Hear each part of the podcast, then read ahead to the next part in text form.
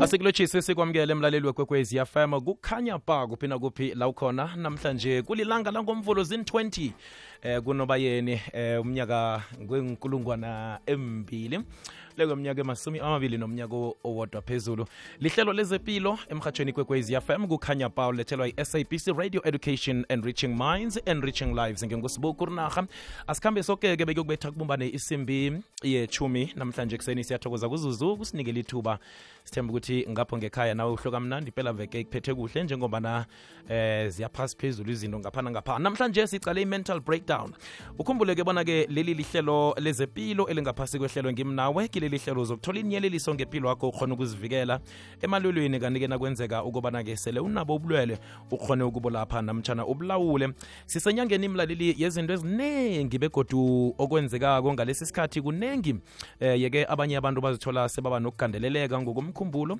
Nona sesiyibiza ngayo lapha i-mental breakdown. Yeke namhlanje sikhambisana nosesinonhlanhla mawubane oyi-psychologist ukuthi si acocisane naye siyicocisane naye ngayo lapha-ke i-mental breakdown sikwazi ukuthi sisize umlaleli abantu bacalene nento eziningi njengoba kungudisemba nje begodu asiphili ipilo ngendlela efanako. Asamukela isithekeli sethu sesinonhlanhla siyakwamukela siyakulotshisa ehlelweni lezepilo emhatshweni kwekwezi fm nabamameli. Aha nivukile sesinonhlanhla hayi sivukile bhuti nina nivuke njani? Sivuke kamnandi khulu siyathokoza nepela veke inikhambele kuhle hayi sikhambele kuhle impela veke sibu. Kwamambala siyathokoza. Sesinonhlanhla sithokoza isikhathi sakho. Asisize umlaleli ekhaya sisizane sibabantu njengobana kuna nginasi isikhathi esibudisi khulu esimajadu. Ngaphana ngapha kufuneka izinto emakhaya aboma banenhloko ezibuhlungu abobaba banenhloko ezibuhlungu njalo njalo okungagcina sekufika lapha ku-mental breakdown ke sisize nje umlaleli sithome ngokuyihlathulula bona iyini Uh, sibu i-mental breakdown kaningi is a cluster yama-symptoms ama-symptoms i-behavior ukuthi sibona ngokuthi umuntu aqale aziphathe ngendlela bekangaziphathi ngakhona. Kulapho sibona khona ukuthi lo muntu ngathi unokulahlekelwa ingqondo you-make i-mental breakdown. So mm. ubonakala ngezenzo zakhe. Izenzo zakhe zisuke zipham zingafani nale naloku esikujwayele. Mm. Ibangelwa yini sesinonhlanhla ukugandeleleka umkhumbulo yo ukugandeleleka komkhumbulo kubangelwa izinto eziningi ama-life stressors njengoba usowushile ukuthi ngudisemba njena abazali bagandelelekile kunezindaba zokulahlekelwa imisebenzi i-covid-19 kubangelwa nje yi-stress eziningi and then umuntu angakadiagnoswa nge-depression or i-anxiety uthola ukuthi umuntu uba nama-paranoid thoughts. Ama-paranoid thoughts umuntu oba nokusaba kakhulu athi abantu bayamgijimisa or abantu bayamzonda or abantu bafuna ukumshaya bafuna ukumthakatha. Ama-paranoid thoughts lawo. O omunye uba nama-hallucinations. Ama-hallucinations umuntu obona izinto lezi thina esingaziboniko obona ozovela athi abaleke athi nayi into lana kodwa nina aniboni. Omunye azwe amazwi eningawazwa nina thina esihleli naye asiwezwa lawo mazwi so uyawezwa. So it, that is called auditory hallucination. Mm. so Ma- kune-visual hallucination kune-auditory hallucination. Mm. izwakele sesinonhlanhla ibangelwa yini sesinonhlanhla? Yini ama-hallucination? Njengoba sengishilo i-stressa lesi uthola umuntu maybe ube diagnosiwe nge-depression or nge-bipolar and then angasekho kumapilisi wakhe ayekile ukuphuza amapilisi. Omunye uthola ukuthi usaqala kudala ene-depression engazazi engaboni ukuthi une-depression. So i-depression mayikhula i-escalator iyenza lama-symptoms lawa if ayikakatreatiwa so it's two things. Okunye beke ku-treatment wayeka. Mm. kokunye akakatholi i-treatment. Kokunye ne-substance induced psychosis i think ngike ngakhuluma ngayo ehlelweni labantwana. Mm. abantwana okudliwa ama-drugs ama-drugs anokwenza ukuthi umuntu abe ngathi ulahlekelwa umqondo i-substance induced psychosis aphinde abe nalama-symptoms lawa esengiwabalile Hmm. Izwakela samukele umlaleli wekwekwezi fm ku-079 413 nayikhibe ufuna ukubuza kusesinonhlanhla eh ngokugandeleleka komkhumbulo i-mental breakdown sidosela umtato. Namjana-ke uthumele i-voice note emtatweni emoyeni sithi silapha ku-086 112 0459 086 112 0459 kanti-ke i-whatsapp voice note ilapha ku-079 413 2172 sithumela-ke ngalesi sikhathi lesi ngiyabona-ke siba nesikhathi esincane namhlanje. Sesinonhlanhla umuntu one-mental breakdown okileso eh simo leso namtshana ubujamo lobo usize kanjani kune-treatment ekufanele ayithole? Nanyana-ke mhlambe nakuse nayisathomako eh angenzani ukukhandela ukuthi ingathuweleli bekuyokufika lapha eh nayikuthi mhlambe ubuya ku-depression abuyele godu um mayisathoma sibuku kungcono umuntu aqhubeke nge-treatment mayisathoma aye emtholampilo ekliniki afike asho ukuthi mina nginenkinga enje nanje nanje then angakwazi ukuthi athole uncedo. Mase sekanalama-symptoms ahallucinate anama-paranoid thoughts fanele athole amapilisi abizwa ama-antipsychotics. Lawo maphilisi lawo azothoba umqondo ukuthi umqondo ubuyele usebenze kahle. So lekho angakwenza nje makangeza ekliniki aye esibhedlele lapho azothola khona amaphilisi azothunyelwa kwi-psychiatrist abodokotela abasebenza nobulwelwe bomkhumbulo. So labo bodokotela bazomdiagnose ukuthi yi-depression yi-bipolar or yi-anxiety then mabamdiagnosile bamupha amapilisi afanelekileko.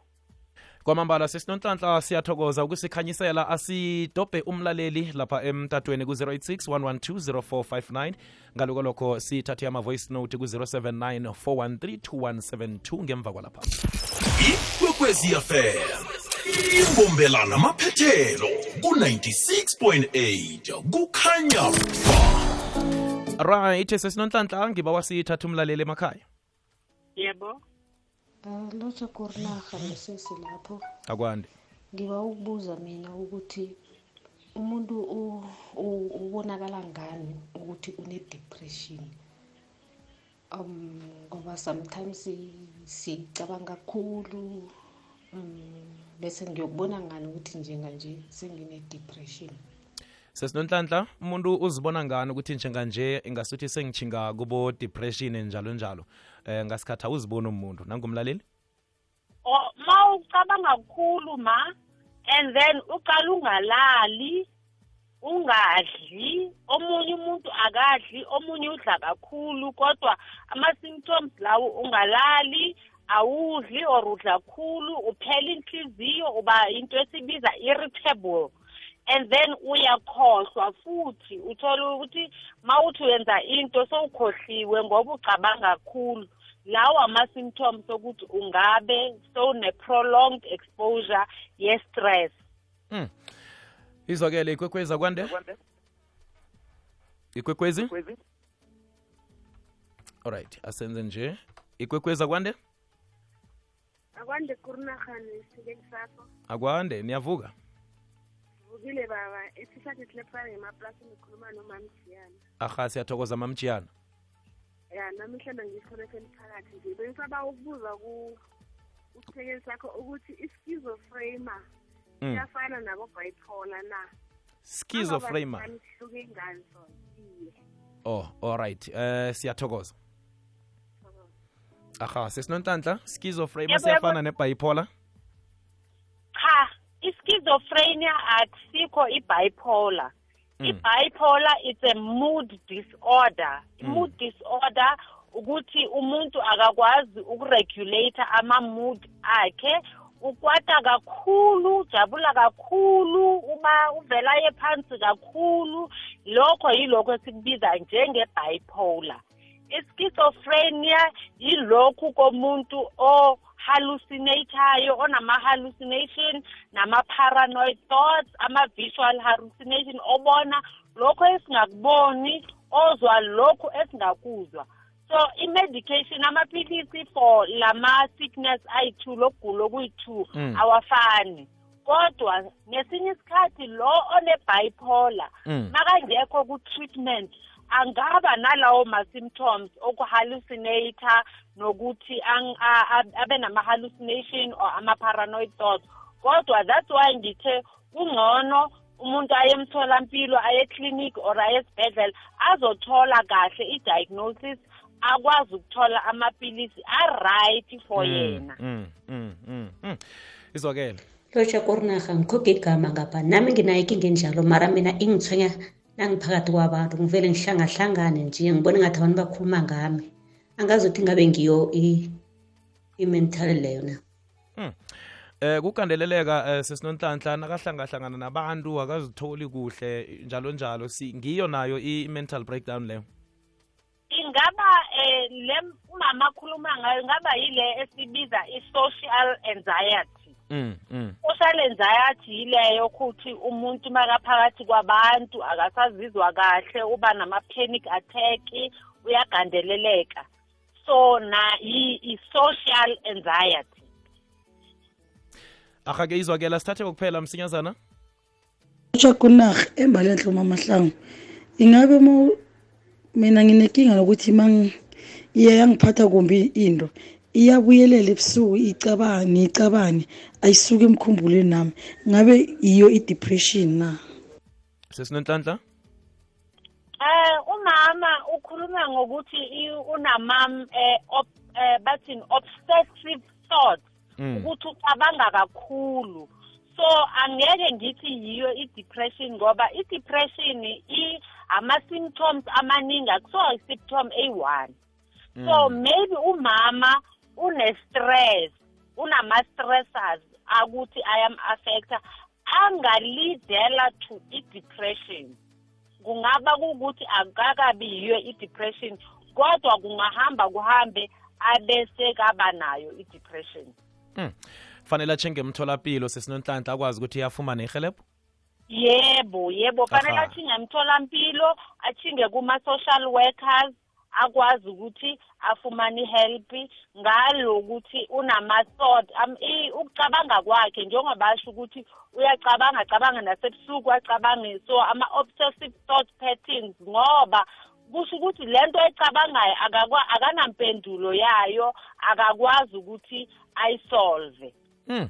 Sesinonhlanhla sesivala mhlawumbe ukuyelelisa umlaleli ekhaya eh esikhulukhulu ngalezi nkathi ngabo December nje into ziba ziningi khulu ukuphandlulula umlaleli eh nokuthi nakazibona asebujameni ob- obufana nalobo ekucocwa ngabe emhathweni ngalesi sikhathi nokuyelelisa loyo umlaleli ofisa ukuthi eh ukwazi ukuthi ngingayibalekela njani indaba ye depression namtjana ke i mental breakdown sikhuthaze nje umlaleli ekhaya Eh singakhuthaza umlaleli ngokuthi yena fanele azazi akwazi ukuthi u-capable ukuthi angayenzani angayenzini angathathi uku- izinto okukhulu angakwazi ukukwenza ngoba vele kuzomustressa Mm.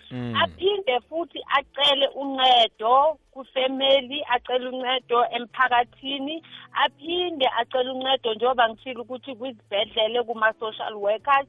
Labo bantu labo yebo baya kunama-leave khona bathatha ama-leave kodwa bakhona abasesekhona abangakwazi ukuthi bancede ukuthi if kunenkinga umuntu a- abona ahlangabezana nayo. Ahake iswakele sesinonhlanhla inomboro zakho bakuthola kuphi abalaleli abafuna ukukubuzela eduze? Inomboro zami is 072 072 605 605 6193 6193 sizibuyelele? 072 072 605 605 6193 6193 yebo ngicela abalaleli basende ama bathumela ama-message or kwi-whatsapp ngoba kwamanje ndinama-patient angeke ngikwazi ukuphendula ifoni ahake siyathokoza sesinonhlanhla ube nelanga elihle kusebenzeke ngapho. Ngiyathokoza sibu. Aha-ke siyathokoza eh, isikhathi osiphe sona. Silijamisala ihlelo lezempilo emhatshweni kwekwez fm ulivezelwa nguphindile mahlangu kilo mhatsho ulethelwa i-sabc radio education enriching minds enriching lives. Mina ngingusibuku rinarha silijamisala ihlelo sesiyokuhlangana ntambama ehlelweni triple ads lapha ehlelweni ilena support. Ngingusibu kurinarha kufacebook ngingusibu underscore kurinarha kutwitter at kurinarha ku-instagram. Iba nelanga elimnandi mlaleli. Phatheke kuhle siyazi ngudisemba abantu ukuziphatha ngapha nangapha. Njengoba nangitshilo-ke nakuthoma ihlelo nam ivekele siyaswaphilisa emahlelweni wezefundo nemahlelweni wezepilo. E, bese-ke sesiyokubonana ngomnyaka ozako um kodwana sisesekhona kwanje. Iba nelanga elihle